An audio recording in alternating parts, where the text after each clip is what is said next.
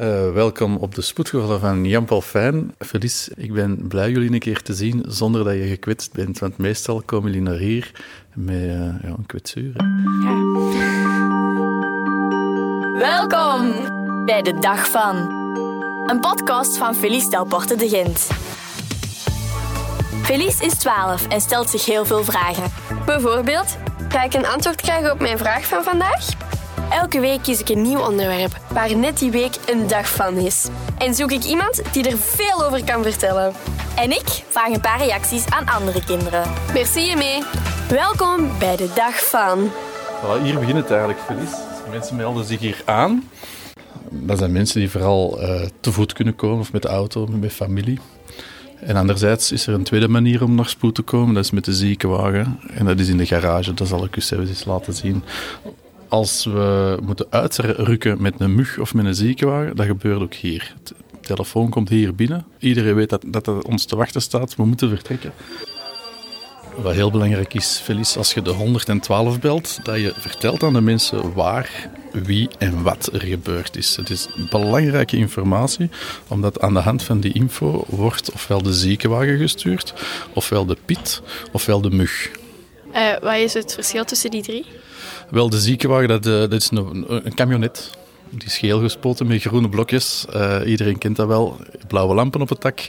En er zitten twee ambulanciers in. Wat mogen zij doen? Zij mogen ter plaatse gaan, bekijken wat er aan de hand is en eventueel ja, de dingen oplossen die zij kunnen oplossen. En dat is dan vooral mensen die gevallen zijn, uh, een fractuur hebben, mensen die wat buikpijn hebben. Zij kunnen al een reanimatie starten, maar zij mogen geen medicatie geven en zij mogen geen medische beslissingen nemen. Als zij merken dat het te dringend is, dan moeten ze er een mug bij vragen. En een mug, dat is een, eigenlijk een snelle auto waar dan een chauffeur in zit, zoals ik. En de arts die rijdt met mij mee. En we gaan hulp verlenen bij de ziekenwagen. Maar als je aan een 112 al kunt vertellen dat het levensbedreigend is, dan worden de twee wagens onmiddellijk gestuurd en zo winnen we tijd. En is er in elke auto een brancard?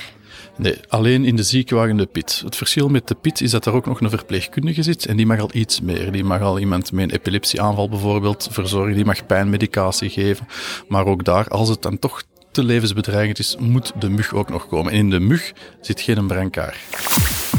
Goedemiddag, de ziekenwagen Antwerpen 500 begeleiding van de mug Antwerpen 3. Een patiënt middenlijn over. Um, het is deze week dag van de verpleging. Op 12 mei is dat. Er is ook een dag van de zorg. Dat is in maart. Er is zelfs een week van de zorg. Dus waarom is er dan ook nog een dag van de verpleging? En wat is het verschil? En sowieso, de zorgsector, dat zijn veel mensen die veel goede dingen doen voor andere mensen, die hulp nodig hebben.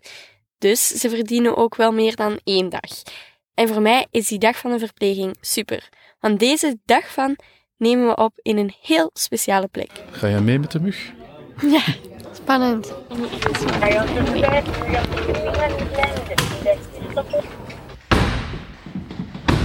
Ik zit hier dus in de mug, op de plaats van de dokter. Naast... Stef van Lee, hey. Hallo. Uh, Stef, ik ken jou wel. Um, ik zal subiet een beetje uitleggen hoe dat uh, exact komt. Maar wie ben je en wat doe je? Ik ben Stefan Lee, 48 jaar, papa van drie kinderen en uh, trotse verpleegkundige. En naast mijn job als verpleegkundige werk ik ook nog in de creatieve sector. Ik maak ook podcasts, zoals jij. Ik speel theater en af en toe kan je me zelfs op televisie zien. Ook als verpleger? Wel niet als verpleger, ze vragen me altijd voor dokterrollen. Ik, ik vind het eigenlijk niet meer zo leuk. Misschien had je dokter moeten worden? Goh, ik ben al met een dokter getrouwd, dus dat is oké. Um, wat voor soort verpleger ben je eigenlijk? Ik werk op de spoed, dus dat, dat klinkt altijd heel spannend en, en soms dramatisch en avontuurlijk. Dat is het ook wel vaak. Maar ik ben eigenlijk geen andere verpleger dan, dan een verpleegkundige boven op de zaal of op de polykliniek of in een, in een rusthuis. Want uiteindelijk gaan we allemaal met dezelfde emoties om. We gaan om met mensen, met mensen die angstig zijn, mensen die onzeker zijn, mensen die moeten genezen, mensen die slecht nieuws krijgen. En dat is op elke afdeling zo. Uiteraard, we zitten nu ook in een mug zoals uh, jij nu eh, op de dokterplek zit. Dat is allemaal heel spannend en dat is het ook wel. Elke dag opnieuw is voor mij een, uh, een nieuwe dag zonder te weten wat er mij te wachten staat. wat is er vandaag eigenlijk allemaal gebeurd? Want je hebt vandaag al gewerkt. Dat klopt, ik heb de vroege gedaan. Ik heb vandaag de triage gedaan. Dus ik ben niet altijd de mugchauffeur. Soms doe ik ook de triage. Wat is de triage? Mensen schrijven zich in aan de balie en worden door een verpleegkundige gezien liefst binnen de vijf minuten, zodat we kunnen inschatten, is er iets dringends aan de hand, ja of nee. Dat was mijn functie vandaag. Wat is het gekste dat je al hebt meegemaakt? Goh, dat is echt heel moeilijk. Als je al zo lang werkt, kom je echt wel heel veel gekke dingen tegen. En dat kan gaan van een, een, een heel stom telefoongesprek zelfs. We hebben onlangs iemand gehad die belde naar mij van ja, mijn hond heeft diabetes en die heeft mij gebeten. Krijg ik nu ook suikerziekte? Maar ook heel, ja, je ziet hier een vijver hè, voor ons. Hè. Voor het ziekenhuis heb je een vijver. Uh, plotseling roepen ze mij naar buiten, want er is een meneer ingesprongen. Dat is ook heel gek, hè? Doe je niet, hè? Je gaat naar het zwembad of je gaat naar de zee, maar niet in de vijver van het ziekenhuis. Dat zijn allemaal wel wat gekke dingen. Maar zo gek is dat niet, want uh, ja, ik ben ook eens in een vijver gevallen. En um, ja, dat is een van de redenen dat wij um, bij jou zijn gekomen. En ook dat ik um, mijn voet heb ongeslaan, dat ik in de kelder ben gevallen, dat mijn meter op het terras is gevallen en haar pols was gebroken. Uh, mama Lee, die na één stap op mijn skateboard haar elleboog heeft gebroken. Mama die haar voet kapot maakte op het schoolfeest. En Emee haar hartslag die tekeer ging. En uh, nog een paar dingetjes. Het, is, is grappig, Felice, dat je dat zegt, want elke keer als ik op mijn gsm Nathalie Delporte zie verschijnen, dan denk ik van, oei, daar gaat weer iets aan de hand zijn. Gelukkig belt ze ook soms eens om een theetje te komen drinken. Maar het is meer het andere.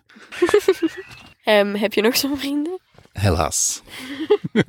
maar dat is niet erg, want als je verpleegkundige bent, dat stopt niet. En ik vind dat ook heel leuk als buren bellen of er is een probleem. We hebben naast ons een kapsalon.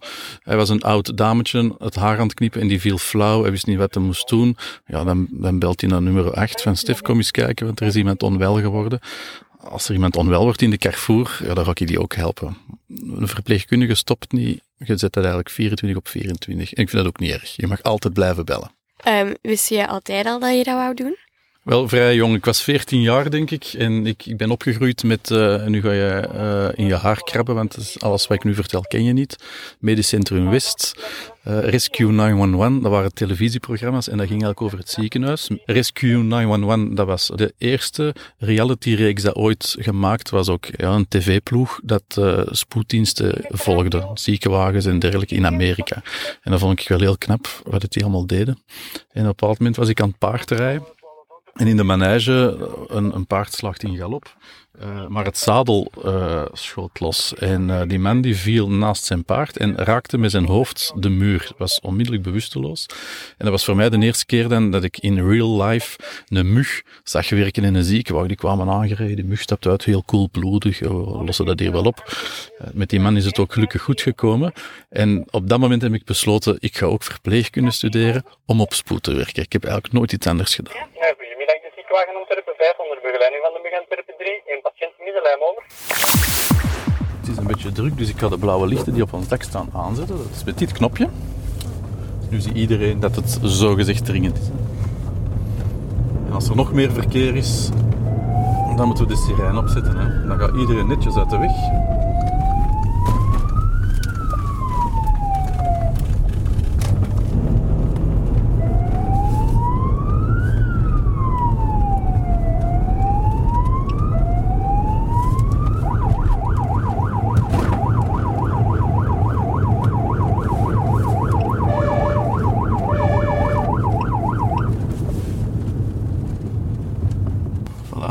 Felice, viel dat mee? uh, wat is het snelste dat je zo ooit gereden hebt?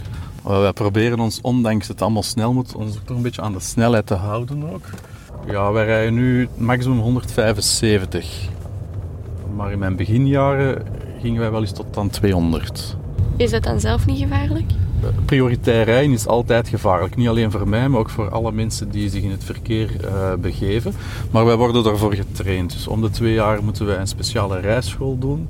Met slipcursus en dergelijke. En uh, defensief rijden. Maar ik zal nooit zeggen of nooit instappen met het idee van mij zal hier niks overkomen. En dat mag je thuis ook nooit doen. Gezondheid op zich is niet vanzelfsprekend. Uh, en je hebt zelf heel veel in de hand om te voorkomen dat je bij ons op spoed uh, terechtkomt. Zoals te snel rijden, dronken rijden, 40 plus zijn en op het skateboard kruipen van uw dochter. Waarom is 12 mei eigenlijk dag van de verpleging en wat houdt dat in? De dag van de verpleging is ook een dag om, om de zorg een beetje in de kijker te zetten. En 12 mei is specifiek omdat uh, Florence Nightingale toen geboren was. Dat is haar verjaardag. En zij is eigenlijk de grondlegger van de moderne verpleegkunde van vandaag. Vandaar uh, dat 12 mei gekozen is uh, om de dag van de verpleegkunde te houden. En uh, we zijn eigenlijk een beetje collega's, want je hebt ook je eigen podcast. En dat heeft ook iets te maken met verpleging. Dat klopt. Die podcast noemt 112 verhalen. En dat is eigenlijk gemaakt naar aanleiding van een boek dat ik ook gemaakt heb. Dezelfde titel, 112 verhalen, het noodnummer.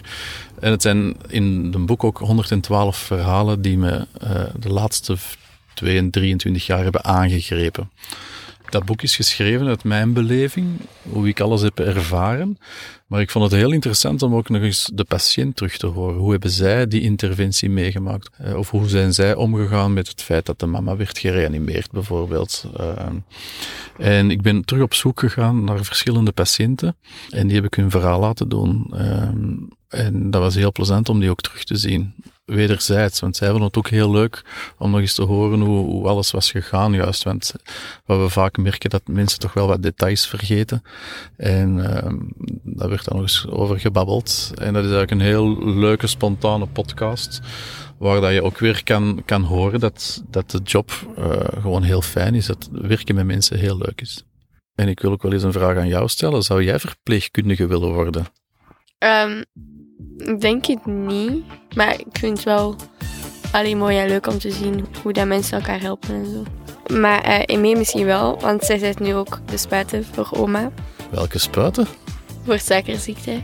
En uh, die ze zelf spontaan beginnen doen. Blijf die fucking Ja,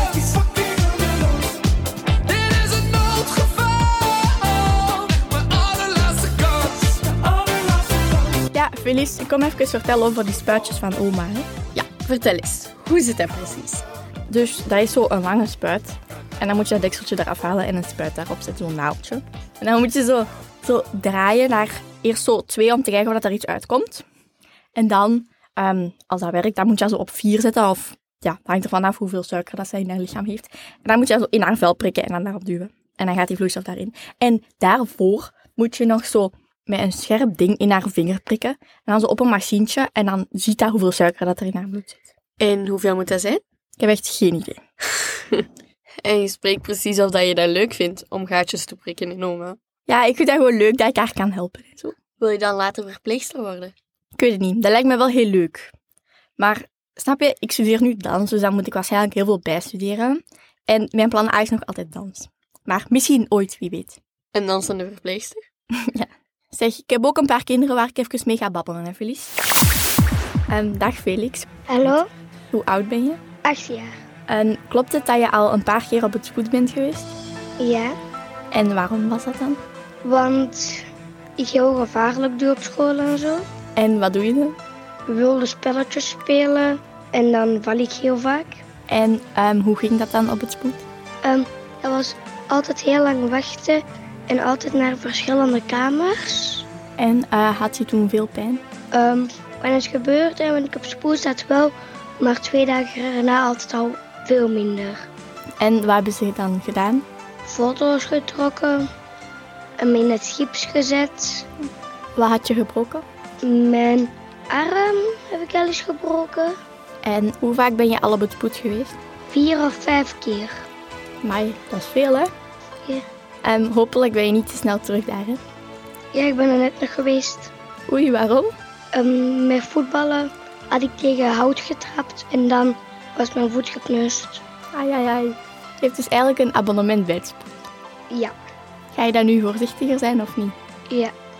Hm, dat is goed. Hey Ime, Ella hier. Ik heb vier jaar geleden ook in het ziekenhuis gelegen, omdat ik iets aan mijn darmen had en dat vond ik echt niet leuk.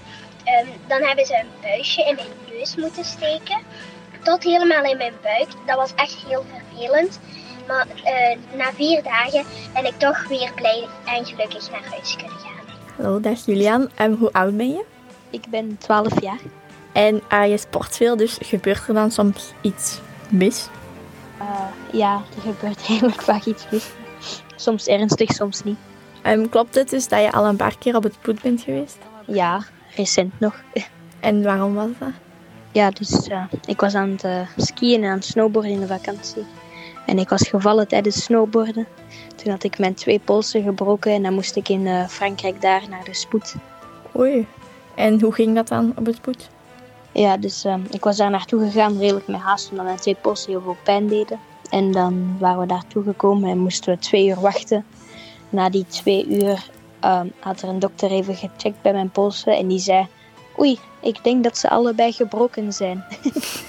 dan zaten we daar al twee uur te wachten op zo van die heel irritante stoeltjes. En dan zeiden ze ook, ja, als we dat hadden geweten, hadden jullie niet zo lang moeten wachten. Maar ja, we zaten daar nu al twee uur. Ja, dat is waar. en had je veel pijn? Ja, bij mij deed het wel heel veel pijn, dus dat was ook moeilijk om dan zo lang te wachten. Ik heb gewoon geprobeerd te slapen toen. Ja, dat kan ik geloven. En zaten je twee polsen dan in het gips? Dan, dan kan je toch niks meer doen? Ja, ik kon inderdaad niks meer, dus eh, toen hadden ze een soort speciaal gips. Dat moest mijn moeder dan gaan kopen daar in de apotheek. Hebben ze bij mij aangebracht aan mijn beide polsen. En dan, ja, de eerste week, twee weken, drie weken, maar moest mijn mama eigenlijk mij eten geven en zo, omdat ik inderdaad mijn twee polsen gebroken had. Dus dat was moeilijk om dan dingen te doen, ja. En ehm, hoe vond je dat de verplegers en verpleegsters met je omgingen? Eh, toen wij aankwamen wa- waren die wat nors, maar dat is misschien eh, normaal, omdat het gewoon druk was. Maar dan vanaf dat hij ontdekte dat mijn twee polsen gebroken waren, was eigenlijk iedereen heel vriendelijk tegen mij. En hoe vaak ben je al op het spoed geweest ongeveer? Eh, ik weet het niet, maar toch al vier keer of zo. ik weet het niet. Maar ja, ik heb al vaak dingen gebroken en zo, dus Maar dat is niet niks. ik ben er niet trots op. En is dat allemaal terug in orde gekomen? Eh, tot nu toe wel, ja. Het is altijd goed genezen. Ehm, hopelijk niet te snel terug daar, hè? Ja, nee, ik hoop het ook. Ik hoop dat ik nu eh, nooit meer moet naar de spoed. Ik hoop het ook voor jou. Dag. Dag! Nee, goedemiddag, de ziekenwagen Antwerpen 5 onder begeleiding van de MUG Antwerpen 3. Een patiënt middenlijn over. Ehm, we zitten hier in een normale auto, maar er ligt wel heel veel in. Mijn mama zou zeggen, ehm, we moeten het een beetje opruimen, maar ja. Ehm, wat ligt hier eigenlijk allemaal in? Ik ga dat onthouden als uw mama nog eens terugkomt voor een gips. Hè? Maar inderdaad, er ligt heel veel materiaal. Eh, achter u bijvoorbeeld helmen. Je zou denken van, is dat niet voor bouwvakkers? Nee, wij zetten af en toe ook een helm op eh, wanneer wij een, een slachtoffer uit een, een wrak moeten halen, bijvoorbeeld. Of er is een huis ingestort, een beetje voor onze eigen veiligheid. Want onder die helmen liggen ook handschoenen, veiligheidsbrillen en zelfs zwemvesten. Hè? Want onze spoedgevallen is de spoed van de haven ook. En als wij op een boot moeten klimmen of ehm, aan de kade moeten werken, hebben wij zelfs een zwemvest aan. Ik kan zelfs een heel stoer verhaal vertellen. Ergens 31 december, het jaar ben ik kwijt, moest ik met de mug helemaal naar de Berendrecht en de Zandvlietsluis. Daar stond een reddingsboot ons op te wachten. Moesten wij met al ons materiaal op die reddingsboot. En met die boot vaarden we de Schelde op tot aan de bocht van Bad. En daar moesten wij alvarend overspringen naar een ander schip waar een vrouw aan het bevallen was. En het kindje? Ik weet nog hoe ze noemt, Maxime, een meisje. Is uiteindelijk geboren vijf minuutjes nadat we aangekomen waren in het ziekenhuis. Ehm, terug naar het materiaal. Wat ligt hier nog allemaal? En op eh, medicatie, eh, ehm, Spalke, de, de Lucas. En dat is eigenlijk een, een toestel om hartmassage te doen. Dat is eigenlijk een soort robot die we gebruiken om langdurige hartmassages te doen. Dat moeten wij dan niet blijven doen, want als je hartmassage goed wilt doen, dat is heel vermoeiend. Je kan het eigenlijk maar twee minuten echt goed volhouden. Daarom dat wij ook continu wisselen van hulpverleners als we een reanimatie doen. Maar als we zoiets hebben van, goh, deze gaat hier echt wel lang duren, dan gebruiken wij de Lucas. Dus dat is eigenlijk een robot die hartmassage doet. Voor de rest zit hier nog een beademingstoestel in, een aspiratietoestel. Dat is om, ja, om slijmen eh, en bloed te kunnen wegzuigen. Spalken heb ik al gezegd. Mensen met breuken, daar kent je mama alles van. En ja, voor de rest infusen, spuitjes, materiaal om te beademen, om een keelgaatje te maken. Als mensen echt aan het stikken zijn, moeten we soms via de keel een gaatje maken om, om de mensen lucht te kunnen geven. Uh, een bevallingsset, uh, mensen met extreme ademnood, verschillende manieren om ze te kunnen beademen. Er zit zelfs een boormachine in de auto. Wat doe je daarmee? Wel, mensen die echt in extreme shock zijn. Shock, dat wil zeggen dat je ja, door heel veel bloedverlies uh, geen aders niet meer vindt. Dan maken wij met een speciale naald toegang via het bot. Juist onder uw knie uh, wordt er een, een, soort katheter ingeboord in het bot. En daar hebben we een boormachine voor nodig. Dus je bent ook bijvakker? Dat heb je goed gezien, en met die helmen natuurlijk. Hè. Ik moest met de mug naar Zoersel. Vreselijk ongeval. Kom daaraan, een wrak van een auto en daarvoor lag een, een slachtoffer, een meisje. Dat meisje had haar rechterbeen niet meer. En op dat moment was een, was een spoedarts al op zoek naar die ene belangrijke slagader, want ze was letterlijk aan het doodbloeden. Haar stem werd zachter, ze werd bleker, viel in slaap, bewusteloos en stierf. Uh, fractie van een seconde, wat is? Wel, ik word heel veel geconfronteerd met, met dodelijke verkeersongevallen. En ik vind het eigenlijk heel, heel spijtig dat jonge mensen sterven. En zeker omdat dat, dat kunnen voorkomen worden. En daarom ben ik begonnen met de theatervoorstelling Fractie van een Seconde. En daar toer ik uh, doorheen Vlaanderen mee voor bedrijven en scholen. Dat is secundair, derde graad secundair onderwijs. Jonge mensen die eigenlijk beginnen aan het rijbewijs voor de auto of voor de brommer. En het is een verhaal dat we met twee brengen. De ene is uh, een slachtoffer van een verkeersongeval. En de andere, ja, dat ben ik, de hulpverlener. En het slachtoffer die mee op de scène staat, zit zelf in een elektrische rolstoel. Die heeft zijn nek gebroken ten gevolge van een ongeval. En we zijn nu een beetje aan het repeteren. Want fractie van een seconde heb ik zes jaar met Rudy Klaes gedaan. En vanaf september, 28 september, gaan we in première terug. En dan maak ik de voorstelling met Michael Gijsels. 33 jaar, zes jaar geleden een ongeval gehad met de auto en ook zijn nek gebroken. En die kan toneel spelen? Iedereen kan toneel spelen. Uh, maar Michael is eigenlijk een danser. Dus die, uh, die is gewoon van op een podium te staan en dat is heel plezant. Oei, een, een danser in een rolstoel? Ja, dat klopt, maar hij is nog altijd een danser hoor. Ik zou zeggen, ga eens gaan kijken. Hè. je hebt niet altijd je benen nodig om, om, om danser te kunnen zijn. Hè. Je, hebt, je hebt nog al de rest van je lichaam, je armen, je expressie. En hij doet dat samen met, met andere dansers en dat lukt aardig.